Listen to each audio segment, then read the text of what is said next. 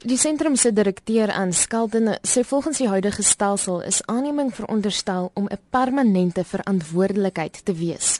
When you adopt a child, and even if this is your stepchild, you're taking that child on for life. That's meant to last for your whole life.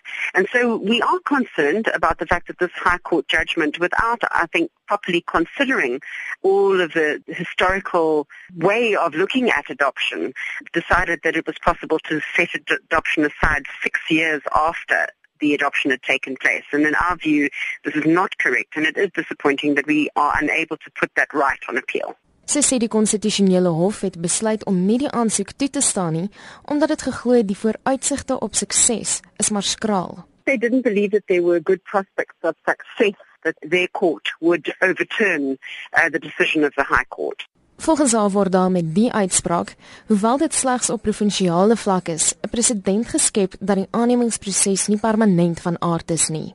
We will be very vigilant about that and we will try to see how we can enter into those cases and influence the outcome because we want to make sure that any other cases going forward have a full range of considerations before them.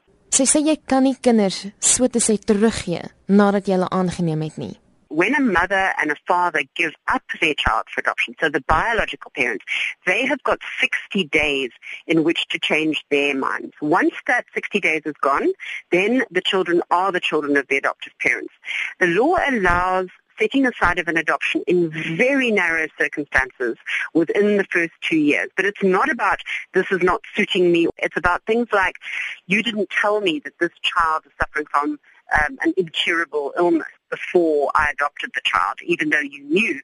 Maar hoekom is hierdie saak die uitsondering op die reël? The children had a biological father. He consented to them being adopted by the step parent. When the second marriage broke up, the children started to have a relationship with their dad. In fact, even during the marriage, they had a relationship with their biological father. And so the adoptive father said, well, why do I need to still be in the picture? The biological father was there. But what did happen as a result of that is that maintenance fell away because the adoptive father was a much wealthier person and was maintaining the children.